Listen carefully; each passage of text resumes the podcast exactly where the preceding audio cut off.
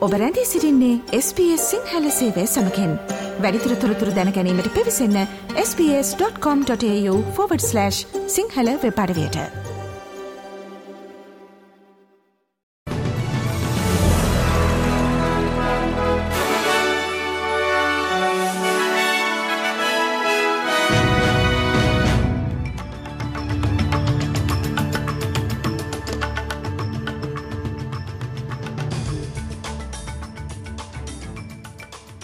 අද පෙබරවාරි පළමුවනිදා SBS සිංහල සේවේ ප්‍රෘතිගෙනෙන මම දිනේශ් ලියනගේ.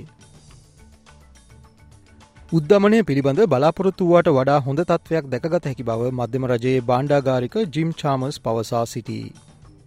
යෝජිත තුංගන අදිරේ බදුකප්පාදුව සම්බන්ධයෙන් තම රජයේ සංශෝධන නිවැරදි බවට මෙය සාක්ෂයක් බව ඔහු පවසා සිටී. නවතම දත්ව පෙන්වා දෙන පරිදි පසුගේ වසරේ අවසන් කාර්තුවේ පාරිභෝගික මිලගණන් ඉහළයාම බිඳුව දශම හය වැනි ඉතා කුඩාගයක් වී ඇත. මෙය දෙදස් විසියක වසරේ පළමු කාර්තුවෙන් පසු වාර්තා වූ කුඩාම මිලගණන් ඉහළයාම ලෙස වාර්තාවේ. වාර්ෂික උද්දමන අනුපාතය සියට හතර දෙශම තුනක් වනු ඇති බවට අනුමාන කළ ඇති අතර එය සියට හතර දෙශම එක දක්වා පහත බැස තිබේ. අඩු උද්දමන අනුපාතය හේතුවෙන් කඩිනමින් පොලි අනුපාත අඩු කිරීම සඳහා වැඩි අවස්ථාවක් හිමිවේ. තම රජයේ ප්‍රතිපත්ති සාමාන්‍ය ඔස්ට්‍රලියනුවන් සඳහා හිතකර ලෙස බලපා ඇති බවත්. තම රජයේ යෝජිත බදු සංශෝධනයන් ක්‍රියාත්මක කළ යුතු බවත් ජිම් චාම්ස් පවසා සිටී.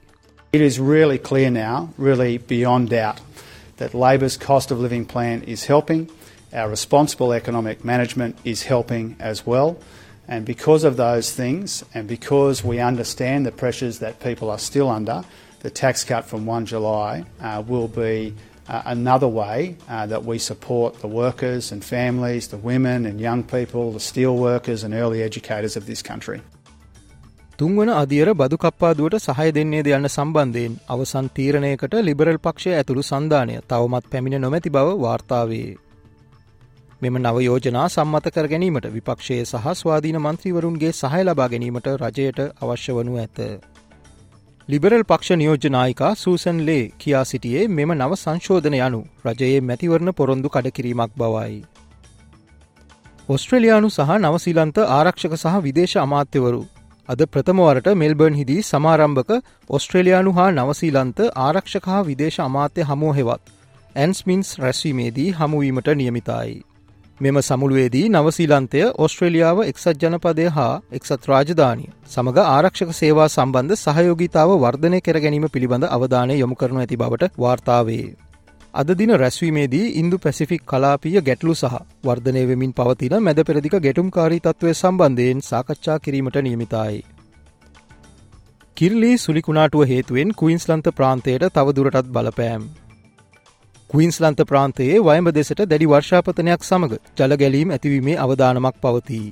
කාපෙන්ටරයා බොක්ක ආසන්නේදී මෙම තත්ත්වය නැවතත් සුලිකුණාටුවක් දක්වා වර්ධනවීමේ සුළු අවධානමක්ද පවතින බව වාර්තාවේ. කිරලි සුලිකුණාටුව ටවන්ස් විල්හි වෙරල තීරයට බලපෑම් එල්ල කිරීමේ නතුරුව මේ වන විට මවන්් ඊසා ආසන්නේ පවතින අතර මෙය ගල්ෆ් කන්ට්‍රි ප්‍රදේශය වෙත ඇදයාමට නියමිතයි. කාලගුණ අනතුරු ඇඟවීම් නිවේදන වයඹ සහ ගල්ෆ් කන්ට්‍රි ප්‍රදේශය වෙත නිකුත් කර ඇති අතර පැය හයකදී මිලිමීටර් අනුවත් එකසිය පනහත් අතර වර්ෂාපතනයක් බලාපොරොත්තු වේ.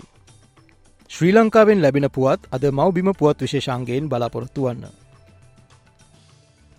පාකිස්ානයේ හිටපු අග්‍රාමාත්‍ය ඉම්රාන් කාන් සහ ඔහුගේ බිරිඳ බුශ්‍රා බීබී හට වසර දාහතරක සිරදඩුවම් නියම කෙරේ. මෙය දින දෙකක් ඇතුළත හිටපු අග්‍රාමාත්‍යවරයාට ලබාදුන් දෙවන දඩුවම වනු ඇත. මොවුන්ට එල්ලවී ඇති චෝදනා වූයේ රාජ්‍ය මගින් පිරිනමන ත්‍යයාග හරහා නීති විරෝධී ලෙස ලාභ ඉපීමයි. මෙම දඩුවම් නියමි වී ඇත්තේ පාකිස්ානු පොදු මැතිවරණයකට සතියකට පෙරවේ. මෙම මැතිවරණයට සහභාගවීම මින් පෙර ඉම්රාන් කාන්ට තහනම් කර තිබින. ඉම්රාන් කාන් මේ වන විටත් දූෂණ චෝදනා මත සිරදඩුවම් විදිමින් සිටී. ඔහු පවසන්නේ තමාට එරිහිව ඇති චෝදනා සියල්ල දේශපාලන අරමුණු මත පදනම් වූ ඒවා බවයි. ඇලන් බෝඩ සම්මානයෙන් පිදුම් ලදා අතරින් වඩා ජනප්‍රිය ජයග්‍රාහකෙකු ලෙස මිච් මාශ් සැලකේ. තිස් දෙහැවරිදි ඔහු ඕස්ට්‍රලියාවේ හොඳම ක්‍රිකට් ක්‍රඩක ලෙස සම්මානයට පාත්‍ර වූයේ නැවත ටෙස් කණ්ඩෑමට එක්වී මාස හයක් වැනි කෙටි කාලයක් තුළදීවේ. තමාට මෙව සම්මානය ලැබීමට අවස්ථාවක් ඇති බව ඒත්තුගේ සම්මාන උත්සවය ආරම්භවීමට මොහොතකට පෙර බව මාශ් පැමිණ සිටි ආරධිතයන් ඉදිරියේ කියා සිටියේය. I really hadn't really thought about it until uh, a few of the boys started getting stuck into me that they thought I was going to win it, and then I started thinking maybe I'm a chance. Um, so I better had four beers at lunch, so I had to stop there. Um, and now I'm sort of hoping that uh, me winning this is not like COVID, and we'll look back in three years' time and go, that was a weird time. So.